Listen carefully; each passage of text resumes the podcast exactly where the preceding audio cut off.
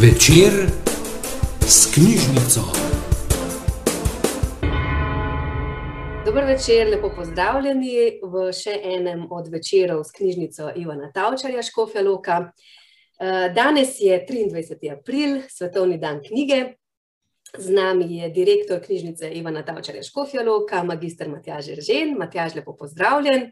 Pozdravljena, Tanja. Nocoj bo vas pregovorila, seveda, ker je svetovni dan knjige, o knjigi, o knjižničarstvu, o knjižnicah in teh temah, a ne sorodnih s knjigo.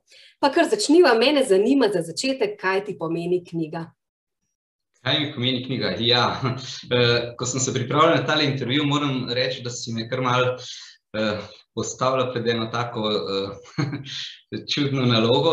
No, tudi o tem sem bral in ravno, ko sem prebiral ene strokovne članke, sem ugotovil, da dejansko knjiga je tisto okno, ki naj bi otroka popeljala v svet, neverjetni svet domišljije, fantazije, pravzaprav nemogočega. In meni, mislim, da je ta razlaga mi je bila do zdaj in mi je še vedno najbližja.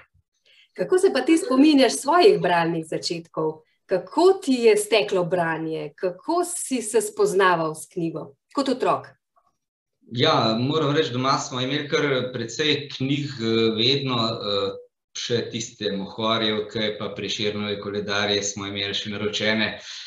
Čeprav potem sam sem začel bolj brati tam v svojem prvem razredu, niti ne toliko.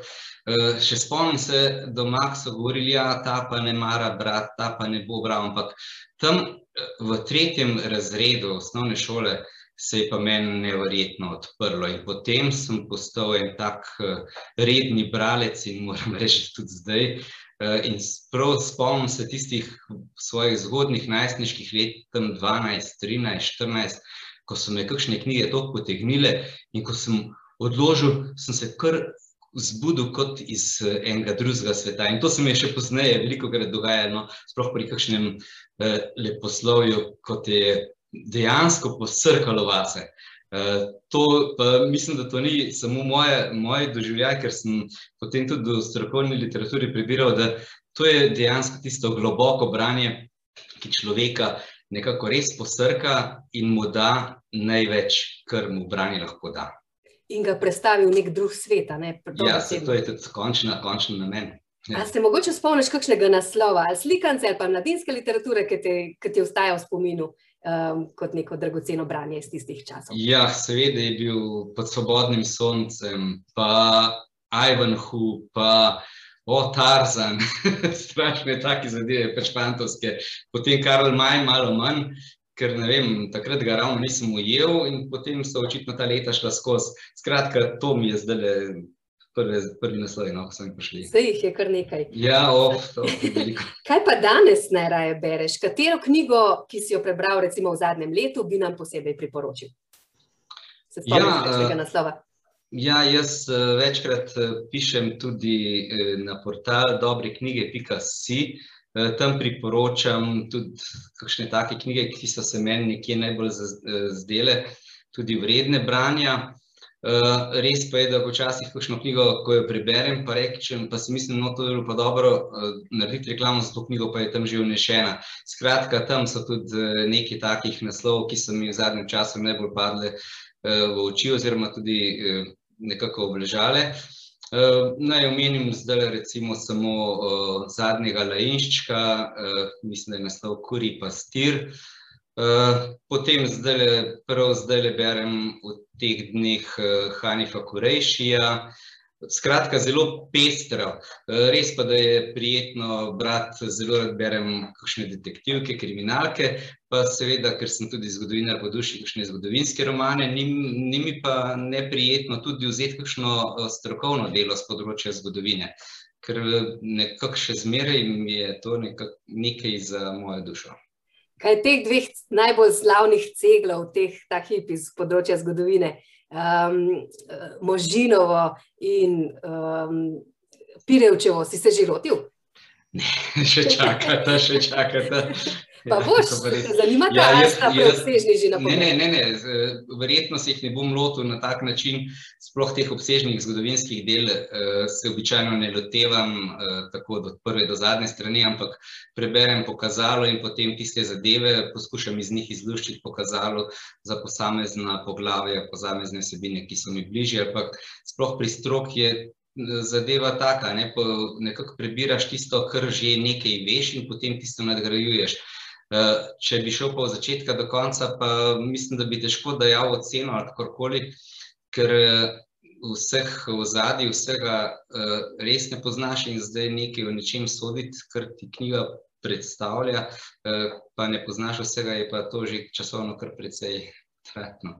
Ja. Aha, ja, seveda, tak uh, Ja, knjiga te, to so pa re, ja, res sta pa to taki obsežni deli, a ne, in tukaj je treba kar malo previdno pristopiti s časom. No, k sreči knjiga je, eh, ima bo, dolgo brano vrsto, še vedno uh, čakajo bralci, seveda v naših knjižnicah, da pridajo na vrsto za branje te knjige. Tako da, čisto tako mimo grede sem vprašala, če sploh lahko prideš do nje, če bi te zanimala že v tem hipu.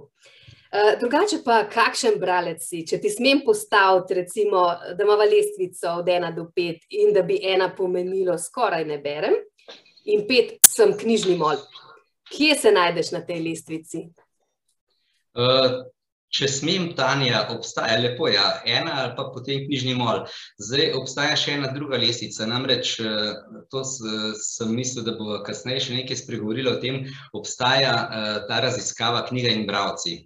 To je uh, knjiga bravci šest, išla je v letu 19, oziroma v letu 20, raziskava za leto 19 in tukaj noter so potem redni bravci, pa štiri stopnje. Skratka, v tej, uh, v tej knjigi, v tej raziskavi bi bil na vrhu, to se pravi med redne bravce spadam, to so bravci, ki redno berijo, redno berijo pomeni vsaj enkrat tedensko, se to ni tako hudo, ne? Ja, to je Vsaj malo. enkrat, Ja. vsaj enkrat tedensko, pa da recimo na leto preberijo tam več kot deset in več knjig, kar pomeni vsaj eno knjigo tam nekje na mesec. Eh, Tam kar precej presegam to, nisem pa tisti eh, knjižni mol, ki bi stalno sedel za knjigo in bral. Mi je pa res prijetno vsak večer, potem ko ležem v posteljo, da vsaj nekaj strani preberem, če me pa zagrab, pa tudi eh, po pol knjige. Tista, tista, tista leta, ko je človek bral, pa ni, ni gledal na uro, eh, so pa menila, jaz upam, da tudi spet pridejo. Ja, upajmo, če bo le zdravje in predvsem oči služile. Tega se jaz pravzaprav najbolj bojim, ko slišim od starejših bralcev, da jim oči več ne služijo in to je res, po moje, um, res težko, če imaš rad knjige, da potem se moraš s temi ovirami srečevati in omejevati um, branje, ko vendarle, recimo, da imaš nekaj več časa, kot si ga imel v bolj aktivnih letih življenja. Uh, tako, zdaj me pa zanima, če je bila knjiga tudi odločilna za izbiro tvojega poklica, oziroma kako te je potem poklicna pot zanesla v knjižnico. Ja, mislim, da nisem spad, ne spadam med tiste srečneže, ki, že, ki so že od osnovne šole naprej vedeli, kaj bodo. Uh, niti v gimnaziji še nisem vedel, kaj bom. Pravzaprav vedel sem, šel sem uh, takrat študirati uh, gimnazijo uh, in to pedagoško smer, uh, ker sem želel postati učitelj zgodovine.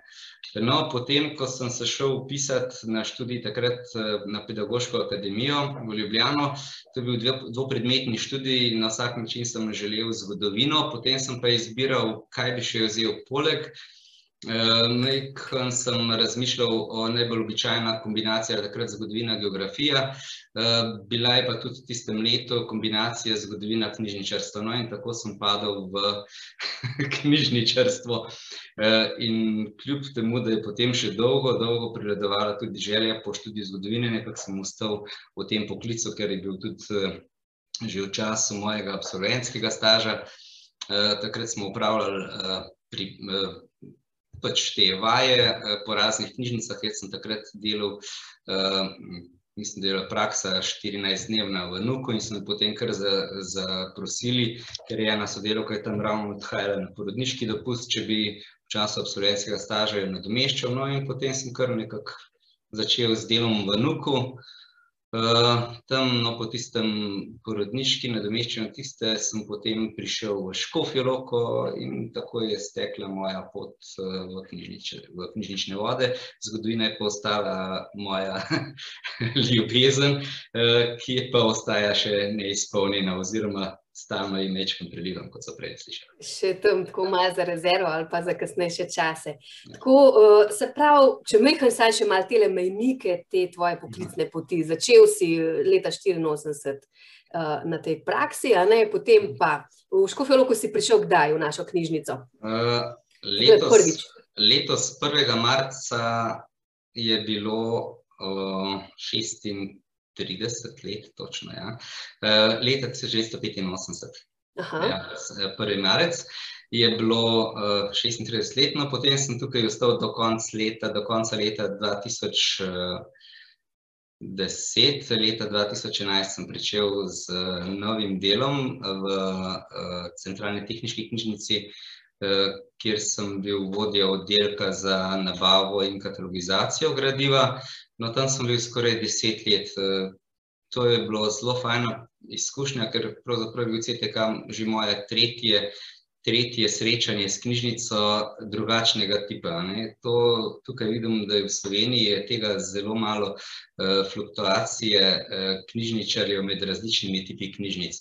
Običajno pride v en tip in potem tam nadaljuje svojo kariero.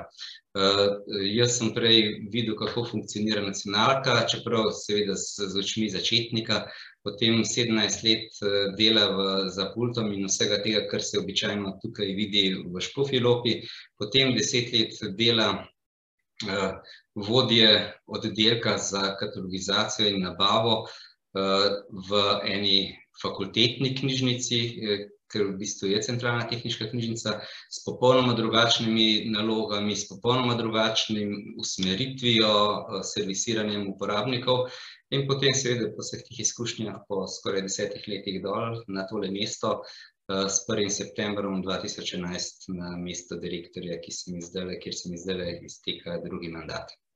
Ja, torej že skoraj deset let je minilo, odkar si se ja. vrnil v našo knjižnico, seveda na mesto direktorja.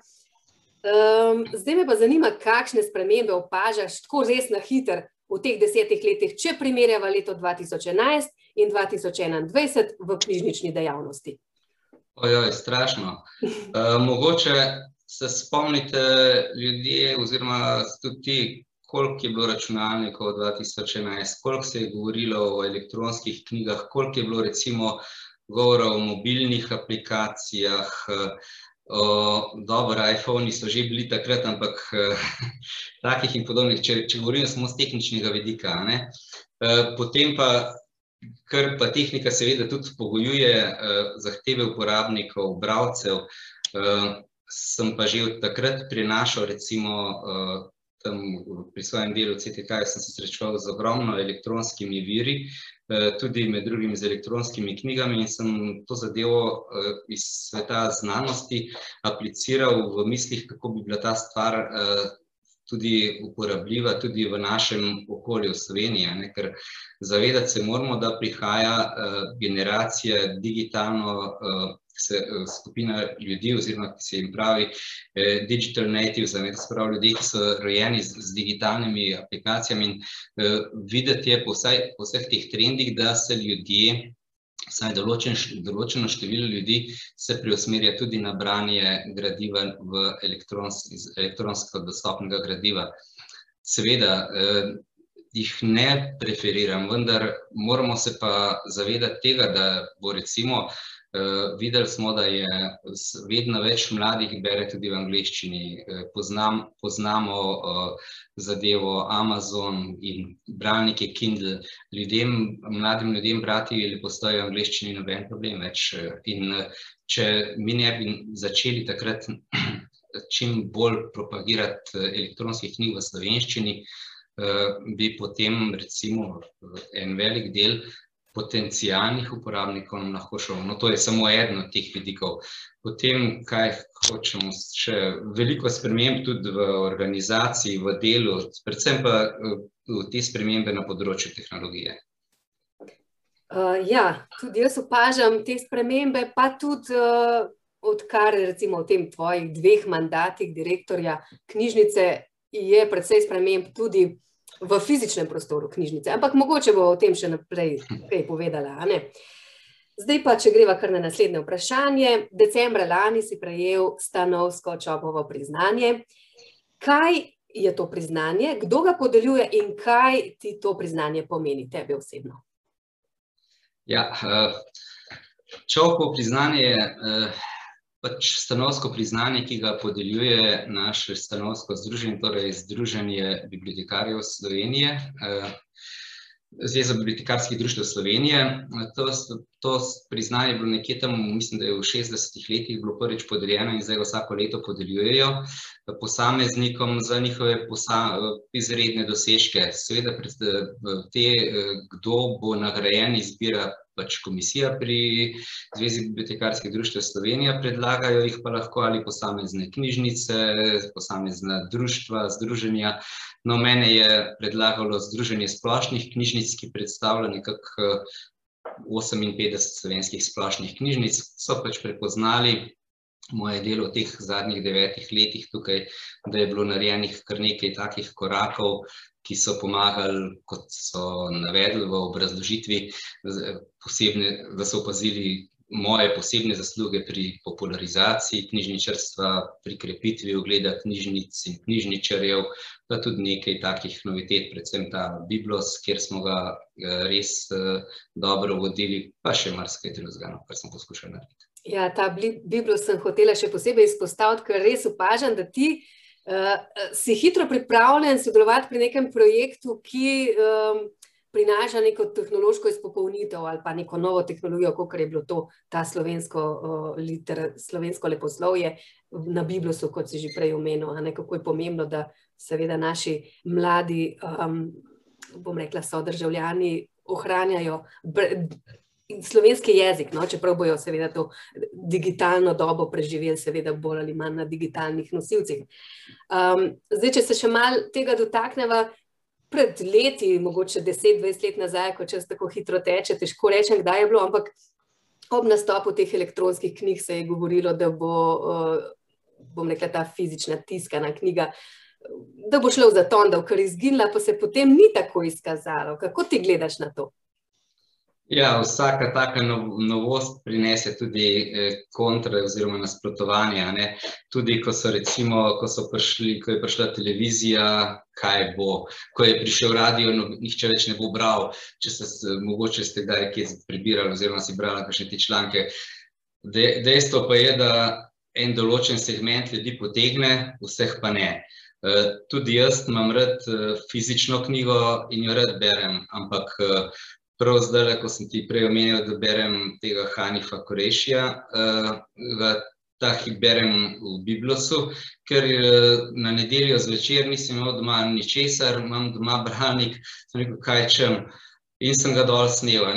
Pa fajn je, ker v, v, sobi nisem pač sam in potem tista lučka moti. Če imaš bralnik, lepo zmanjšaš, pa še, ker sicer ne uporabljam očal, ampak bolj udobno pa je, če so malo večje črke in jih mimo grede malo povečaš, pa bereš, potem zapreš in ko odpreš, naslednjič se ti odpre točno na tisti strani, nobenih kazalk treba niti v šest delati na, na uganu. Ti ne moreš narediti v šest. Skratka, skratka, je nekaj takih prednosti, ja. pa recimo za na dopust, za na morje naložiš štiri knjige gor in jih lepo na dopustu prebereš. Pa, če ti jih pa zmanjka, greš pa nekam, kjer je Wi-Fi in si jih spet nove knjige naložiš. In, skratka, neomejeno je.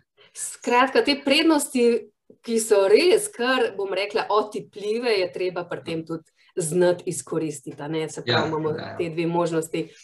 Je res, da do fizične knjige vedno ne moreš, včasih mnogo lažje do elektronske. Um, če gremo naprej, kako pa ocenjuješ knjižnično dejavnost v Sloveniji?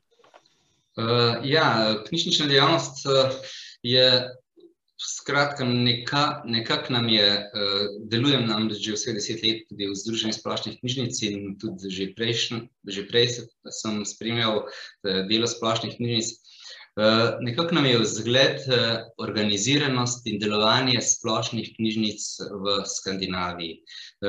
Namreč povedati moram, mi dva imava, v Sloveniji imamo več tipov, tudi drugod po svetu več tipov knjižnic, to se pravi univerzitetne, šolske, specialne po raznih podjetjih in najbolj množične so pa običajno oziroma dostopne najširši populaciji so pa splošne knjižnice, v Angliji jim rečejo public libraries. No, in v Sloveniji nekako težimo zgledu dela skandinavskih splošnih knjižnic. Seveda Skandinavci imajo en močan odnos do teh splošnih knjižnic, ker jim pomenijo veliko več kot zgolj knjižnica.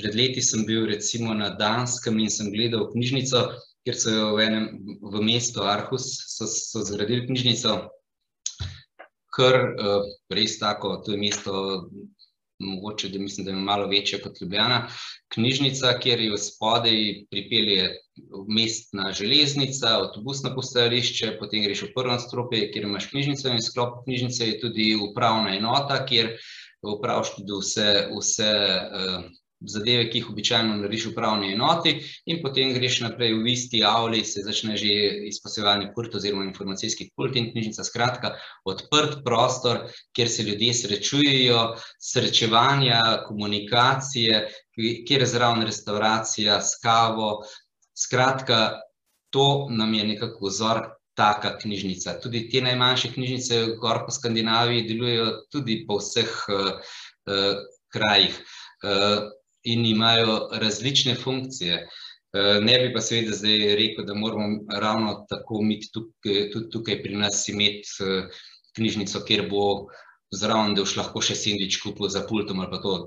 Normalno, da ne, vendar če je prostor dovolj velik, je seveda tudi kavarna zraven dobrodošla, da si usedeš, časopis prebereš, da se srečaš s prijatelji, pogovoriš, seveda pa zdajle so tile covidni časi, niso ravno naklonjeni temu, pa vseeno, knjižnice smo kar dobro v Sloveniji organizirane na tak način, težimo za tem, kot sva začela, je pa seveda, Splošne knjižnice v Sloveniji smo ustanovitelj splošnih knjižnic so lokalne skupnosti, ki se pa različno odzivajo na naše potrebe oziroma različno razumejo to naše, naše delovanje. Nekje bolj, drugod manj, na splošno je pa nekje tako v Sloveniji velika razlika, kot opažamo direktorji knjižnic, je recimo temu kar meja na Trojanah.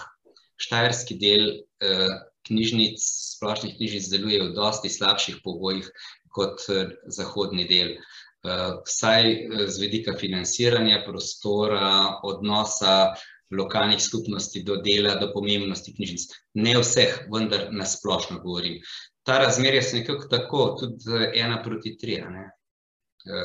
Pri financiranju, pri kadru, pri prostoru na teh področjih.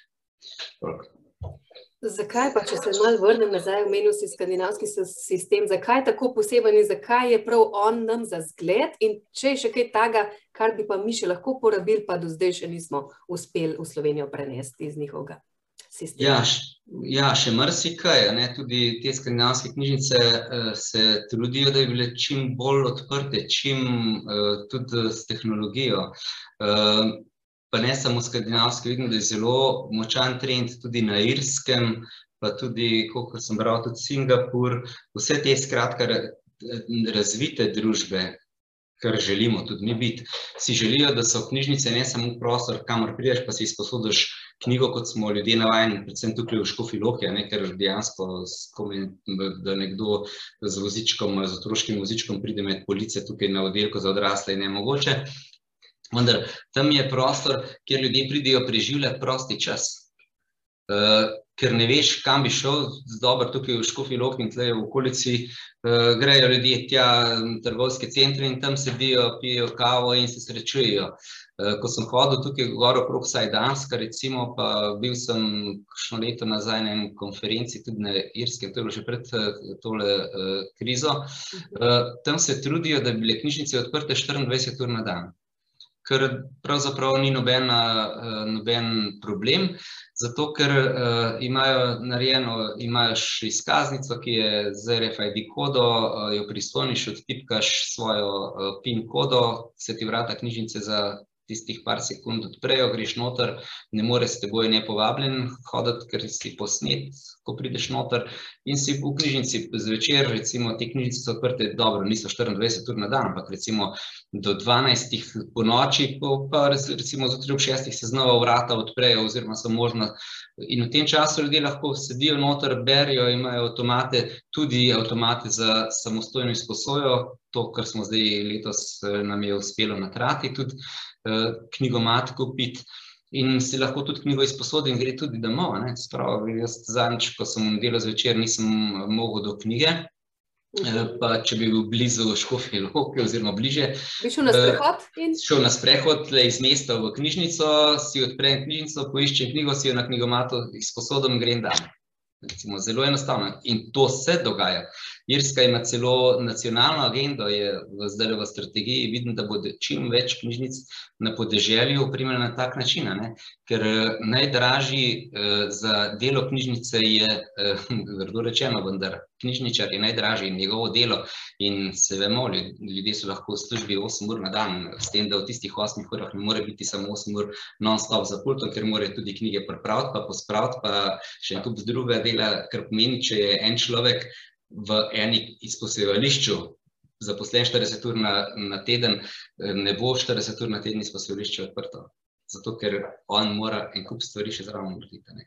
In če imamo pa tako tehnologijo, bi pa poleg knjižničarja lahko še dopoldne, eh, če je knjižničar popolne v službi, eh, knjižnica odprta za svetovanje, zato dopoldne pa recimo mamice z ozički se sprehodijo, pridijo v knjižnico, tam, ker na avtomatu spijo kavo, si sposodijo uh, kakšno knjigo, malo poklepetajo in zapustijo knjižnico s pomočjo tehnologije je to vse.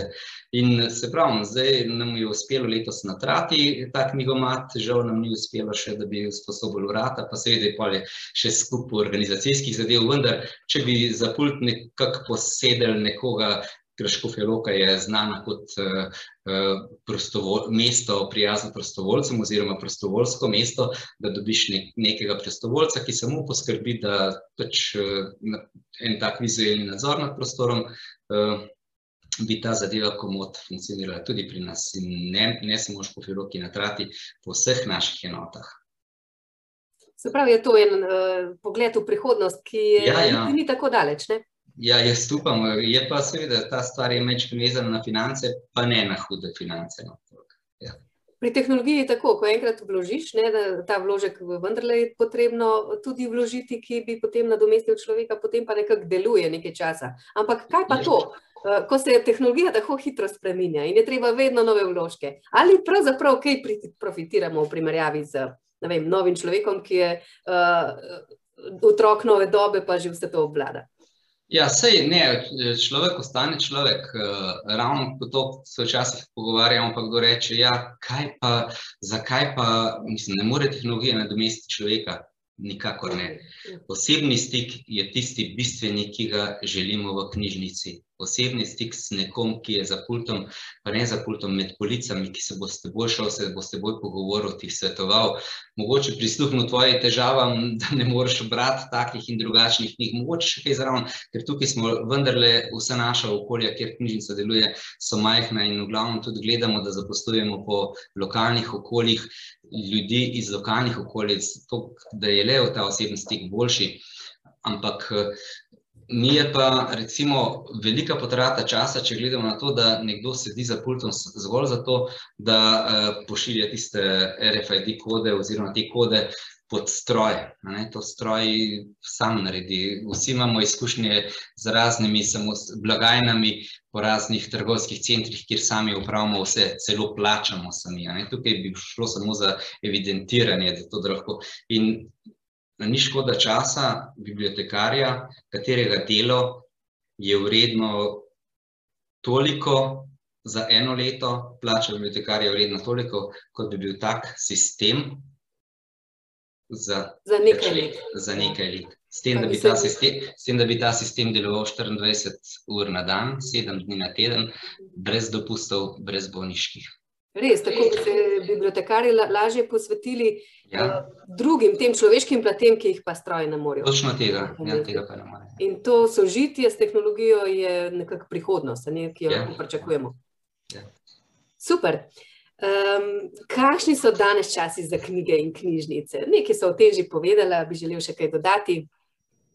Ja, uh, Časi za knjige ostajajo enaki, res pa da je uh, opažati zadnjih 10-15 let, ne samo pri nas, začel se je ta trend drugod v svetu, najprej velik upad obiska za izposojo knjig, pa tudi sama izposoja. Tudi pri nas zanimivo spremljam zdaj teh 10 let, Prva leta smo še vsako leto število izposojenih enot gradiva na letnem nivoju je kar mal naraščalo, še po 2-3 procente. Potem pa že je v Škofi Lok recimo kakšnih pet let nazaj začelo počasi stagnirati, tudi po 1-2 procenta. S tem, da v krajevnih knjižnicah je ta stvar še kar ostala na istem nivoju, se pa tudi pri nas že pozna, da upada obisk za izposojo oziroma izposoja. Je pa zanimivo, da sam obisk, fizični obisk knjižnice pa ne opada. Nasprotno, celo narašča. Ker število prireditev, ki smo jih imeli, to se pravi, tudi prihajajo prebirati časopise. Res, če bi imeli ustrezen prostor, kot ga imamo že na nekaterih eh, krajevnih knjižnicah, eh, bi bilo obiska veliko več. Seveda, mogoče manj za izposojo gradiva, več pa zato, ker se ljudje želijo družiti. Pa ne samo družiti, kot sem prej omenil, trgovske centre. V enih takih neutralnih prostorih, ko prebiram kakšno to strokovno literaturo, ko se pripravljamo na te, oziroma stalno smo nekje v enih prenovah prostorov uh, in sledim tem trendom in uh, arhitekturnim rešitvam in kaj, poudarjajo posod, da knjižnica je edini tisti neutralni javni prostor, kjer ti ni treba nič kupiti. Nihče te ne vpraša, kaj želiš, kaj boš vzel. Lahko samo sediš, se zazreš ven skozi okno, imaš knjigo pred sabo, revijo in si sam s seboj. In nihče te ne bo znemiril. Trgovski centri, vemo, kaj je zdravstveni domovi še slabše, da ne bomo o tem omenjali. Upravne enote, posod nekam greš zaradi nečesa. V knjižnici lahko samo si. Ja, knjižnica je res en tak prijazen prostor. Jaz, recimo, ko stopim uh, v službo, ko stopim skozi vrata, me zmer prime, da bi brala, res. In tudi, recimo, naši, um, naši uporabniki upažam, ne, ko se je nekako izboljšal tale prostor za, tudi za, čti, za študij v naših prostorih so prihajali študenti, ki so se pripravljali na izpit in so rekli, da je spodbudno okolje, meni pomaga, da se skoncentriram, da, da se lažje pripravim na izpit. Ali pa uh, večkrat smo imeli že koga, ki je se pripravljal na ta um, strokovni izpit, ta pravni, no, kako je že, uh, ki je res zahteven in doma enostavno ne najdejo tistega miru. Uh, so, je več motečih faktorjev, knjižnica je pa res tist, ki jih že sam prostor spodbuda, spodbuja, da se lažje skoncentrirajo in opravijo to nalogo. In res uh, se mi zdi, da je doprinos knjižnice v, naših, uh, v, naši, v našem okolju res ena zelo velika vrednota. No. Um, sem tudi zelo vesela, da imam to čas, da lahko tukaj uh, delam in da tudi uh, vse to opazim. Um, povej mi še, um, knjižnico Juna Tavčarja sestavljajo enote tako v Škofiloki, kot tudi po obeh dolinah, po Poljanski in Seški dolini, namreč na področju zdaj štirih občin. Kako ocenjuješ obisk in delovanje krajevnih knjižnic? Je tam kaj drugače? Ja, seveda, vsaka, vsako okolje ima svojo specifiko. Tudi ne moramo primerjati uh, knjižnice uh, Trata s knjižnico v Žireh, knjižnice v Gorenji vasi s knjižnico v Železniki, ker uh, vsako okolje je mečkim drugače, diha malce drugače dela. Je pa res posod ta odnos okolje do knjižnice, sem zadovoljen, da, da je posod jemljajo kot njihovo knjižnico. Ne. Ehm, nikjer um, ne rečejo, ah, zato je pa nekaj izloke.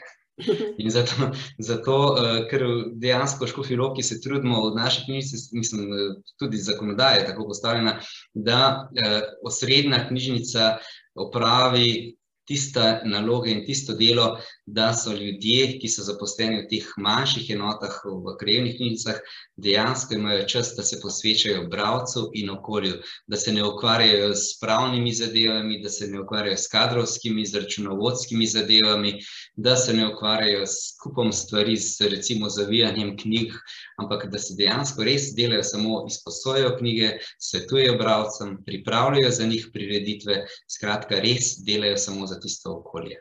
Eh, in vsa ta okolja so, rekel, zelo prijetna. Jaz sem začel, eh, ko sem prišel v Škofijo Loko, tam davnega, davnega leta 85, jaz sem začel pravzaprav delati v Goreni vasi. Eh, takrat je bila knjižnica še tam, kjer smo bili pred kakšnimi petimi leti, štirimi leti, se pravi v bloku, v kleti, ja. Se spomnim, takrat so otroci hodili dol z velikim veseljem. Uh, in smo res, res pa takrat, če ni bilo toliko prireditev, mislim, da smo imeli enkrat na mesec pravljico in to je bilo vse. Uh, če so se že prej pogovarjali, kaj se je tem času spremenilo. Zdaj je v Goreni vasi recimo kup prireditev, tudi knjižnica je več odprta, da ne govorimo o prostorih. Tudi v železnikih, recimo, se je po tistem, tudi jaz sem tudi v železnike sem hodil prvo leto, uh, in je tudi se potem knjižnica selila tudi v boljše prostore in je tudi uh, zaživela. Prav tako v Žireh, uh, Poljanah, uh, skratka, vse knjižnice delujejo v sklopu s, s tem okoljem in res uh, tudi za naprej uh, razmišljamo oziroma smo usmerjeni tako, da bi te knjižnice v lokalnih okoljih čim bolj postale eni njihovi lokalni kulturni centri. Eh, ne želim, da postanejo, eh, grdo rečeno, svaštarnice. Naj postanejo kulturni centri druženja, eh, predvsem s podarkom na branju, popularizaciji branja in pa seveda ponudbe kulturnih dejavnosti. Od kulturnih dejavnosti, zdaj v Gorenji vasi smo zasledili veliko željo po razstavah in imamo na hodniki stalno razstave njihovih lokalnih likovnih umetnikov. Želeli bi kaj takega tudi še drugod, ampak žal prostori ne omogočajo. Zdaj smo letos smo postavili tudi razstavo na Trati in bo tudi na Trati ne bi nekako tako, taka mini galerija lokalnih teh amaterskih eh, slikarjev, umetnikov tudi bila.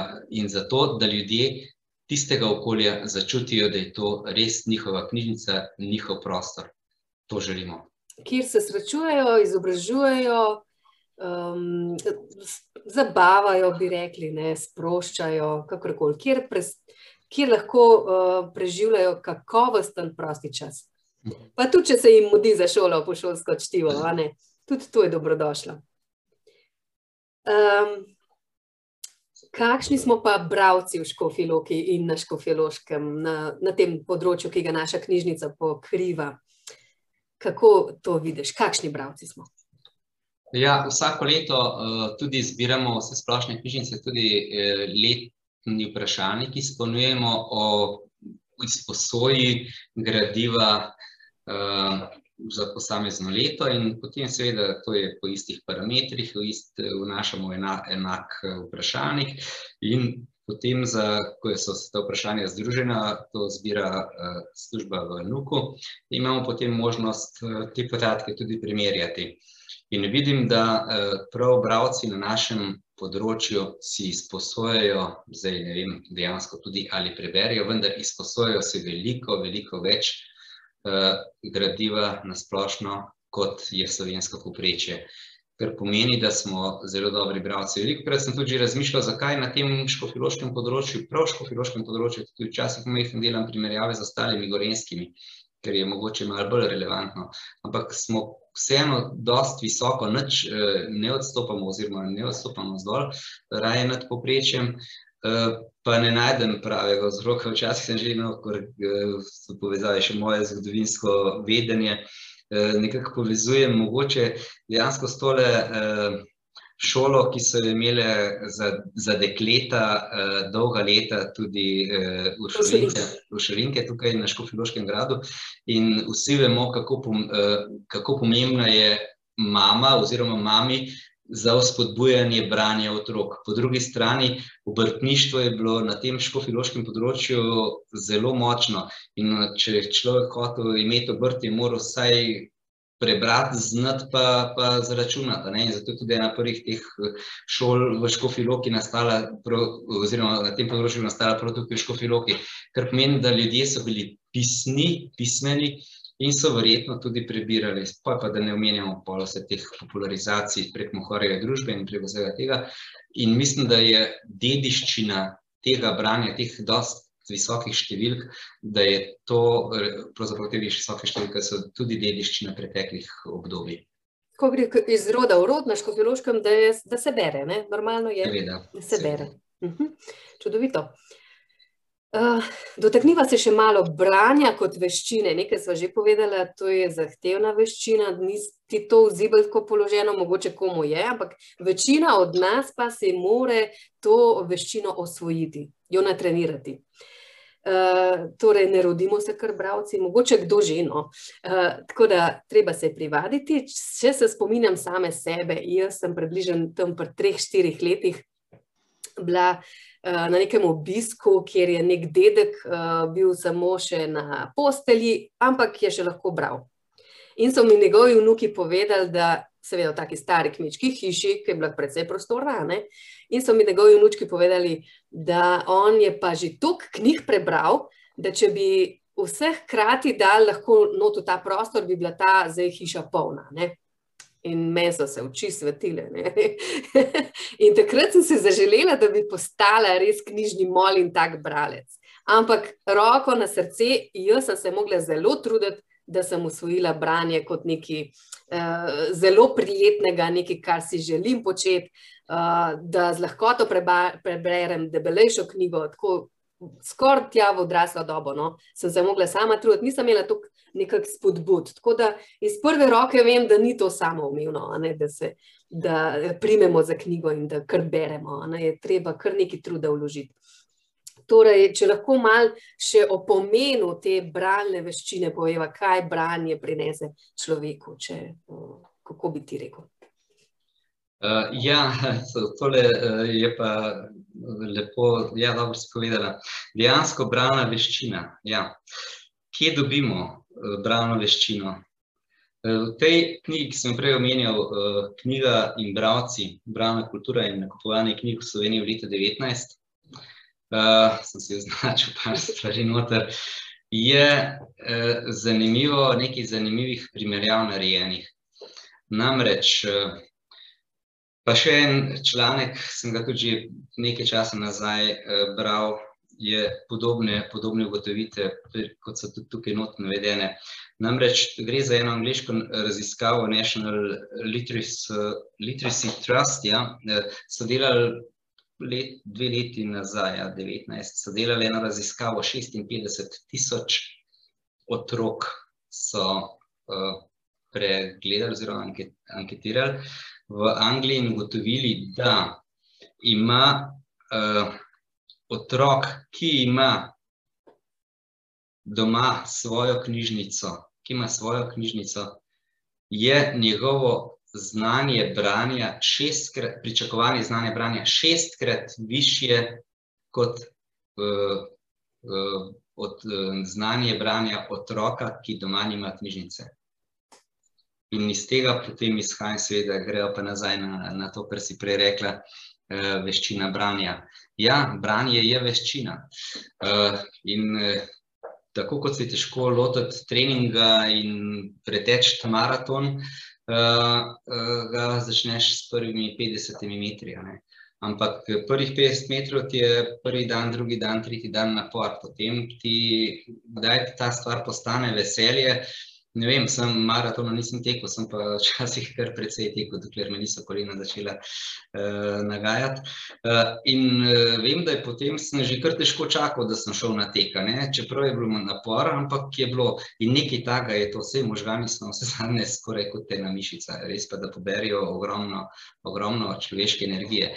In če nimamo streniranih že od otroštva, jih ne bomo takrat. Zato je tako pomembno, to, če se vežem naprej na tisto, kar sem govoril, da ima otrok eno spodbudo doma. Spodbuda je njegova domača knjižnica, seveda pa druga spodbuda je, da otrok, ko še ne zna brati, da mu berijo domači. In prav v tej raziskavi, tukaj, oziroma ki navaja ta knjiga in bravci, so delali primerjave. Podobno raziskavo so delali tudi Norvežani za leto 2018, pravi eno leto prej kot ta naša knjiga. In kaj so ugotovili? Da recimo v, na, na, pri v primerjavi leta tisoč devetsto devetinsedemdeset s primerjavo leto devetnajst med Slovenijo in Norveško. Delali so primerjave z Norvežani, zakaj? Ker je Norveška je tudi recimo en tak manjši jezikovni otok, tudi tudi majhna populacija, nekaj čez pet milijonov ljudi, podobno kot recimo manjša populacija Slovencev. In v Sloveniji je bilo v letu devetinsedemdeset petinpetdeset procentov ljudi bralcev. V, na Norveškem jih je bilo leta devetinsedemdeset triinsedemdeset procentov, se pravi petinpetdeset, triinsedemdeset. Zdaj v letu dva tisoč devetnajst so v Sloveniji še zmeraj petinpetdeset procentov bralcev, na Norveškem oseminosemdeset procentov bralcev, kar pomeni, da je Norveška naredila ogromen skok, v Sloveniji smo pravzaprav naredili petdeset let koraka nazaj. Kaj to pomeni? Ja, ja, kje smo se zgrešili. Je pa število nebralcev, recimo število nebralcev je pri nas v Sloveniji devetinštirideset procentov, na na Norveškem samo dvanajst procentov. In pa še nekaj, domača knjižnica, o čemer sem prej tudi govoril, kako je pomembna, ne, za spodbudo. v delali so, pregledali so raziskavo v tej knjigi tudi med enaintridesetimi državami, ki se štejejo za razvite, tudi Slovenija je med njimi, so ugotovili, da imamo v Sloveniji manj kot sto knjig v domači knjižnici, v, na Norveškem pa povprečno več kot dvesto, dvesto petdeset v povprečni domači knjižnici. kar Norvežane postavlja na drugo mesto, nas pa na petindvajseto od enaintridesetih mest, za nami mislim, da je še Turčija pa ene take države so. Ja, kar...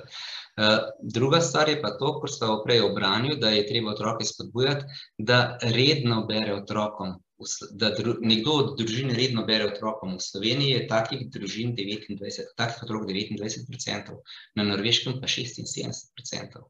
Se pravi, imamo še veliko dela. Če začnemo, če začnemo takoj pri teh številkah, je to res. In pa še nekaj tudi zaskrbljujoče, seveda vsi ti zasloni, mobilne aplikacije, tablice, računalniki in vse to je pa kar so kar taki grozljive, grozljive ugotovitve, kaj vse te zadeve delajo, ne, tudi.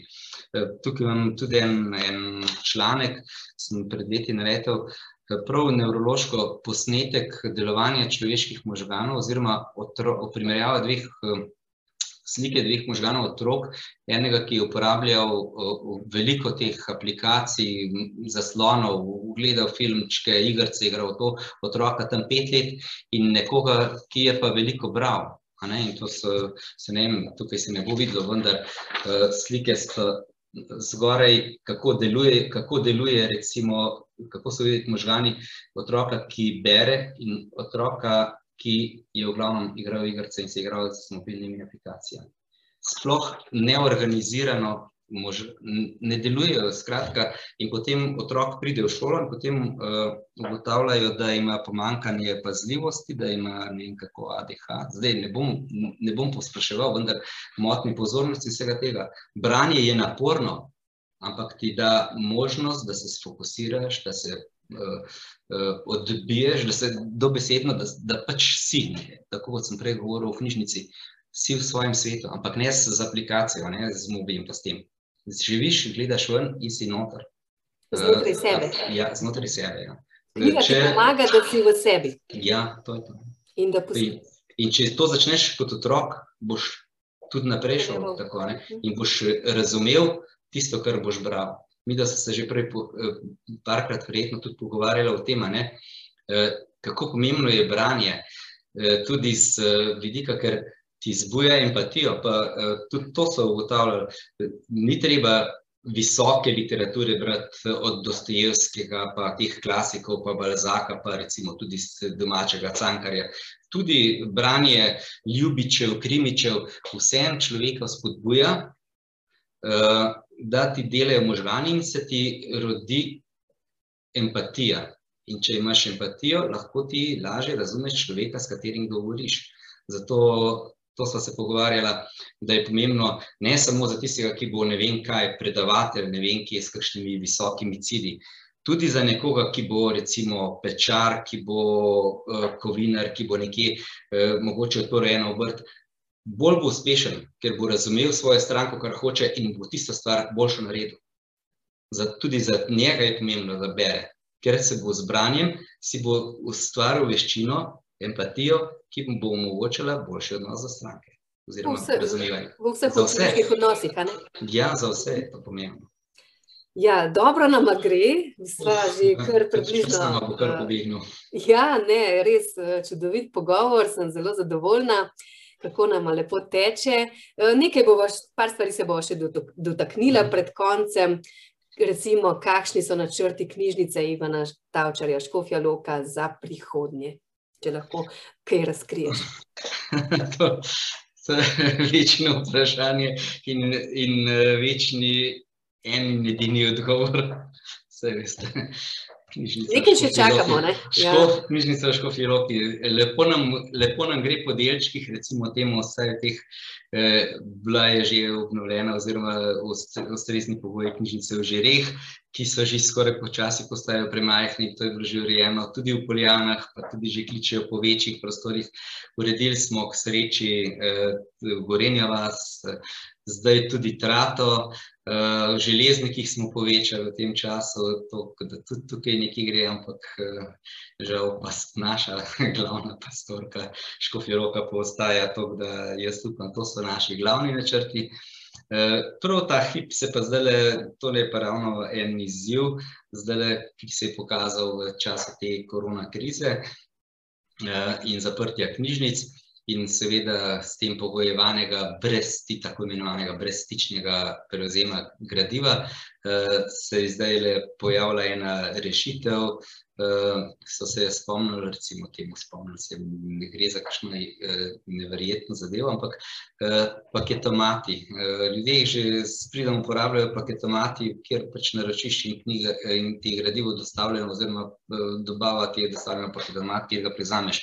No, nekaj takega, zdaj smo ravno v teh dneh, v teh mesecih, bomo za začetek postavili škofi loki tukaj zunaj pred na šolski ulici, tako da ljudje, ki bodo imeli rezervirane knjige, pa jih recimo ne bojo mogli v soboto do tiste časa, ko se bo knjižnica zaprtla, ali pa tudi med tednom, ko se bo knjižnica zaprla, ampak bo recimo v osmih zvečer prišel uh, mimo, pa bo vzel knjige iz tega paketomata, podobno kot uh, greš na paketomat in vzameš paket, ki ti ga je postavila pošta. No, in če se bo ta zadeva dobro izkazala, mislim, da je to dobra rešitev tudi za nekatere krajevne knjižnice, ki pa niso toliko odprte eh, kot tukaj v Škofi Loki knjižnica. Ne, tukaj le pri nas praktično od 8 zjutraj do, do 7 zvečer lahko vzameš eh, po krajevnih knjižnicah, pa kakšne dneve so knjižnice zaprte ali pa so zaprte, odprte samo 5 ur dnevno tam bo pa te paketomati, eh, bi bili pa še bolj eh, vredni uporabe. Vse eh, kot pravim, nekaj sredstev letos bilo in bomo šli v ta paketomat najprej za škofiloko, potem pa vidimo. Druga stvar so pa seveda branje in popularizacija branja. To je pa usmeritev, če se namreč dosta danes o branju govorila in o pomenu, pomenu branja, mislim, da bomo šli eh, predvsem v to zdaj eh, s temi, eh, v tem času, ko se ne sme biti tih osebnih svečanj in tega nam že dobro tečejo ta branja, sicer z našo zunanjo pomočjo, pa tudi s nekaj domačimi močmi, da se brani klubi uredijo. Ker ljudje radi berijo, radi bi se tudi o tem kaj pogovorili, pa ni organizirano. Eh, in zato bomo v to smer šli zelo. Eh, tudi eh, mogoče še kakšnega prostovoljca dobili, ki ima tudi znanje, ga bomo tudi lahko usposobili. Vse teh za voditelje branjih skupin, teh raznih izobraževanj, kar nekaj, In bo zelo prijetno, da se ljudje, verjetno tudi po svojih okusih, da bi se zbrali samo tisti, ki berijo, samo kriminalke, samo tisti, ki berijo. Ali pa mogoče po starostnih skupinah, ker nekdo, ki je recimo mlajši, najstniki, ali pa to verjetno se težko z enim človekom, ko sem jaz pogovarjal o knjigah, ki so njemu všeč, pa bi recimo en najstnik vodil. Njihovo brano skupino. No. Skratka, popularizacija branja, pa seveda potem še tudi ta avtomatizacija, želji po avtomatizaciji, ki bi pripomogla, da je predvsem krajevne knjižnice še malo bolj odprte ob pomoči recimo kakšnih upokojencev in kakšnih prostovoljcev. To so naše usmeritve za naprej. Ja, čudovito, sem kar vesela no, teh izzivov, pa teh um, možnosti, ki se nam odpirajo še v bodoče. Zdaj pa čisto za konec, ker smo ravno v mesecu 1. aprila. Za 1. april smo v mesecu, v katerem je tudi 1. april, to mislim. Eh, za 1. april smo na Facebook strani objavili prvo aprilsko novico, ki je bila spričo popolnega zaprta, zaprtja knjižnic in države še kako na mestu. Namreč, da v času zaprtja države knjižnica knjige na dom dostavlja z droni in se naročajo preko aplikacije knjigodron. Meni se je zdela to čudovita ideja za prihodnost. Kdaj v prihodnosti se ti zdi, da bo, to, da bo ta zanimiva ideja lahko postala tudi resničnost? Hm, stvar je popolnoma re, možna za realizacijo. Uh, je stvar tehnike, je stvar, je stvar seveda nekaj s tem povezanih investicij, Zakaj ne? Sanje, sanje, sanje, sanjajmo ne mogoče sanje. Ja.